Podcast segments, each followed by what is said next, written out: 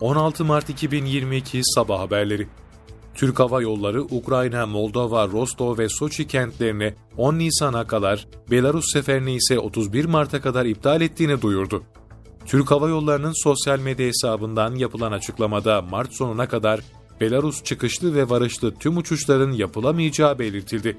Ayrıca Ukrayna, Moldova, Rostov ve Soçi yönelik seferlerin de iptal edildiği duyuruldu.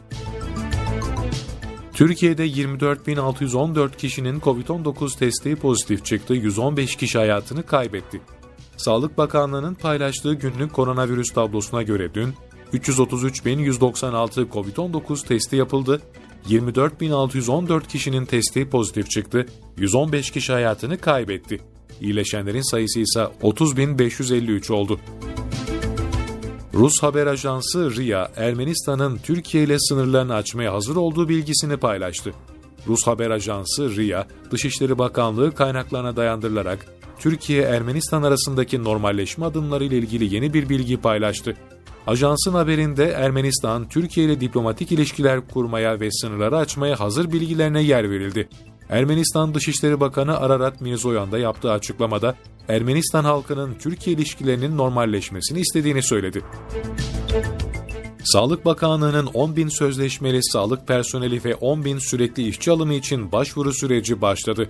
Sağlık Bakanı Fahrettin Koca alımlarda mülakat yapılmayacağını duyurdu.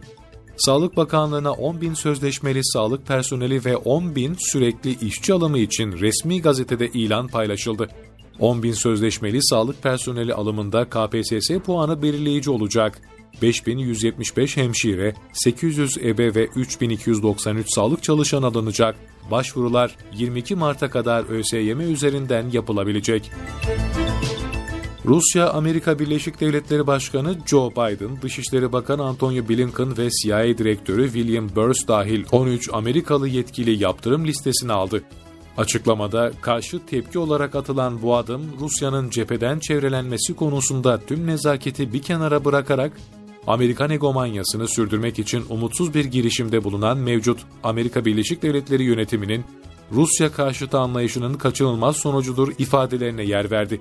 Öte yandan Amerika Birleşik Devletleri Başkanı Joe Biden, Rusya ile savaşta olan Ukrayna'ya 13.6 milyar dolarlık yardımı içeren bütçe tasarısını onayladı.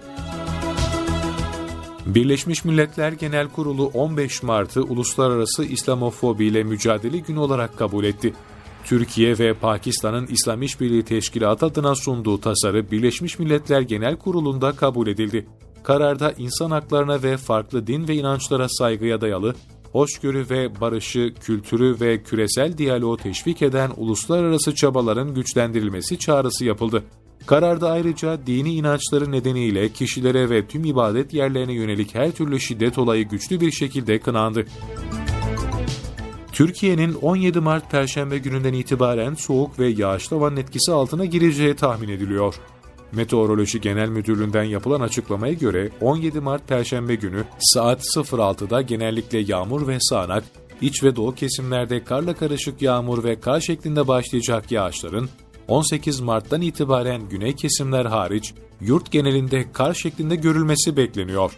Yağışların Marmara, Karadeniz ve Doğu Anadolu'da kuvvetli yer yer yoğun kar şeklinde olacağı tahmin edilirken, gelecek hafta ortasından itibaren yeni bir soğuk ve yağışlı havanın yurt genelinde etkili olacağı öngörülüyor.